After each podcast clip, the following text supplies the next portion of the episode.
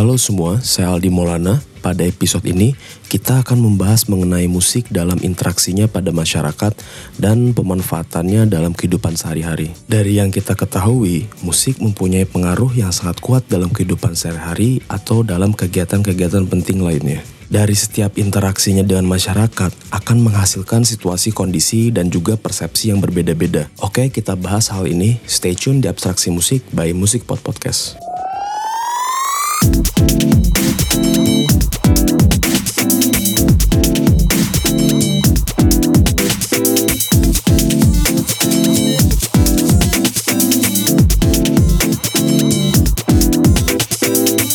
Musik ada dan hadir dalam masyarakat melalui proses-proses produksi, distribusi, dan juga dengan pola-pola penggunaan yang sangat beragam.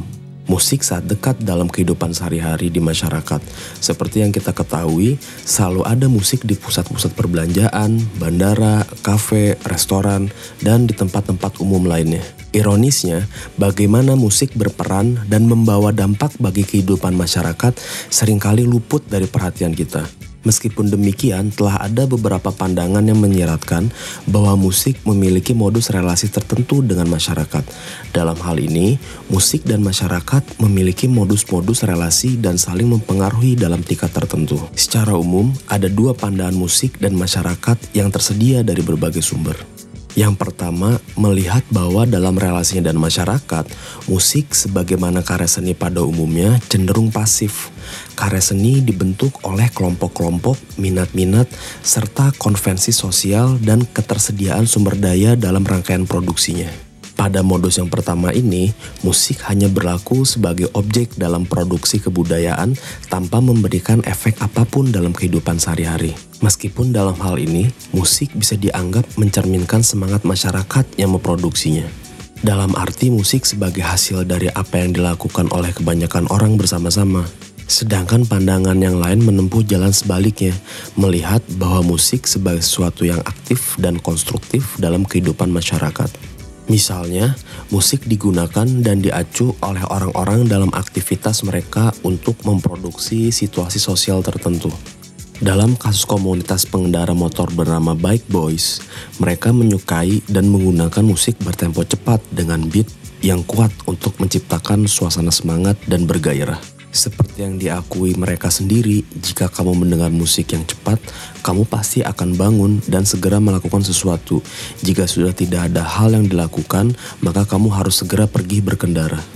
Dalam contoh itu, musik seolah melakukan sesuatu bagi konsumennya dalam konteks kehidupan sehari-hari mereka. Musik bertindak sebagai sesuatu yang membentuk cara dan gaya seseorang dalam menjalani aktivitas dalam waktu real. Selain itu, musik juga berperan dalam menata atau mengorganisir penggunanya. Pada keterangan yang disampaikan Bike Boys, mereka bisa menghayati musik dan melakukan aktivitas bersama musik. Dari aktivitas duduk-duduk, kemudian menari, hingga berkendara dengan musik yang terngiang dalam ingatan. Musik berperan seperti alat kultural yang bisa mengantar seseorang dari aktivitas yang satu ke yang lain musik memiliki pengaruh dalam menata kondisi emosi yang satu ke kondisi emosi yang lain untuk mengiringi aktivitas-aktivitas yang dilakukan. Bukan hanya untuk membangkitkan semangat seperti dalam kasus Baik Boys, musik juga bisa membentuk rasa aman bagi penggunanya. Dalam hal ini untuk menciptakan keteraturan sosial. Keteraturan sosial bisa diciptakan melalui pengaturan persepsi ruang waktu secara real time. Dalam hal ini, dimensi estetik bisa menjadi pondasi kultural yang mempengaruhi keyakinan, kepatuhan, dan subjektivitas seseorang. Singkatnya, musik berperan sebagai persepsi resiko. Kita ambil contoh kasus situasi di bandara, di mana orang akan pergi menggunakan pesawat, berpindah dari suatu lokasi menuju lokasi tertentu yang relatif jauh dengan cara paling cepat tanpa hambatan melayang tinggi di udara. Dalam situasi tersebut, tidak semua orang bisa dengan acuh melupakan resiko yang mungkin terjadi selama perjalanan mereka di ketinggian sekian ribu kaki dari permukaan. Maka pihak penerbangan akan menyediakan alat pengatur persepsi yang bisa meyakinkan penumpangnya bahwa perjalanan yang akan ditempuh bersama maskapai penerbangan tersebut aman. Di sinilah peran sentral musik menjadi kunci. Kecemasan penumpang akan penerbangan diminimalisir dengan video musik ambien, di mana ditampilkan gambar-gambar danau, gletser, dan objek-objek berwarna dingin abu-abu, hijau, dan biru yang menenangkan, diiringi lagu bertempo lambat dan pitch melodi di register rendah. Karena itu bisa dikatakan bahwa musik merupakan suatu yang aktif dalam mendefinisikan situasi sosial. Hal itu dimungkinkan karena musik terhubung dengan konvensi dan skenario sosial yang sering kali terbentuk menurut cara penggunaannya yang melatar belakangi pertama kali musik diciptakan. Misalnya musik waltz untuk berdansa, musik mars untuk berbaris, dan seterusnya. Genre dan konvensi muncul dan terus bertambah sepanjang waktu dalam praktik musik yang pada gilirannya bisa memberikan pemahaman konvensional pada situasi kondisi tertentu. Dengan begitu, musik bisa digunakan untuk memahami situasi dan mengarahkan persepsi.